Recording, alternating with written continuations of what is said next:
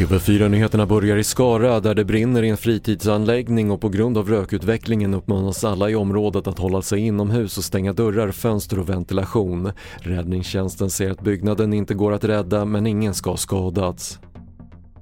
Två män i 20-årsåldern har anhållits misstänkta för grov mordbrand efter bränderna i Trollhättan natten till igår. Inom loppet av 10 minuter började brinna på flera olika platser och polisen misstänker att bränderna var anlagda i en samordnad aktion.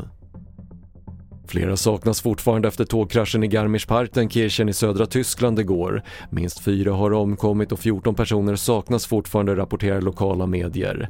Det är oklart vad som orsakade olyckan men enligt utredarna rör det sig i nuläget inte om ett sabotage. Och över 700 fall av apkoppor har konstaterats i världen enligt en sammanställning från USAs smittskyddsmyndighet. Sjukdomen finns normalt i västra och centrala Afrika men sedan i maj har ett ökande antal fall rapporterats från bland annat Europa och Nordamerika. Fler nyheter hittar du på TV4.se. Jag heter Patrik Lindström.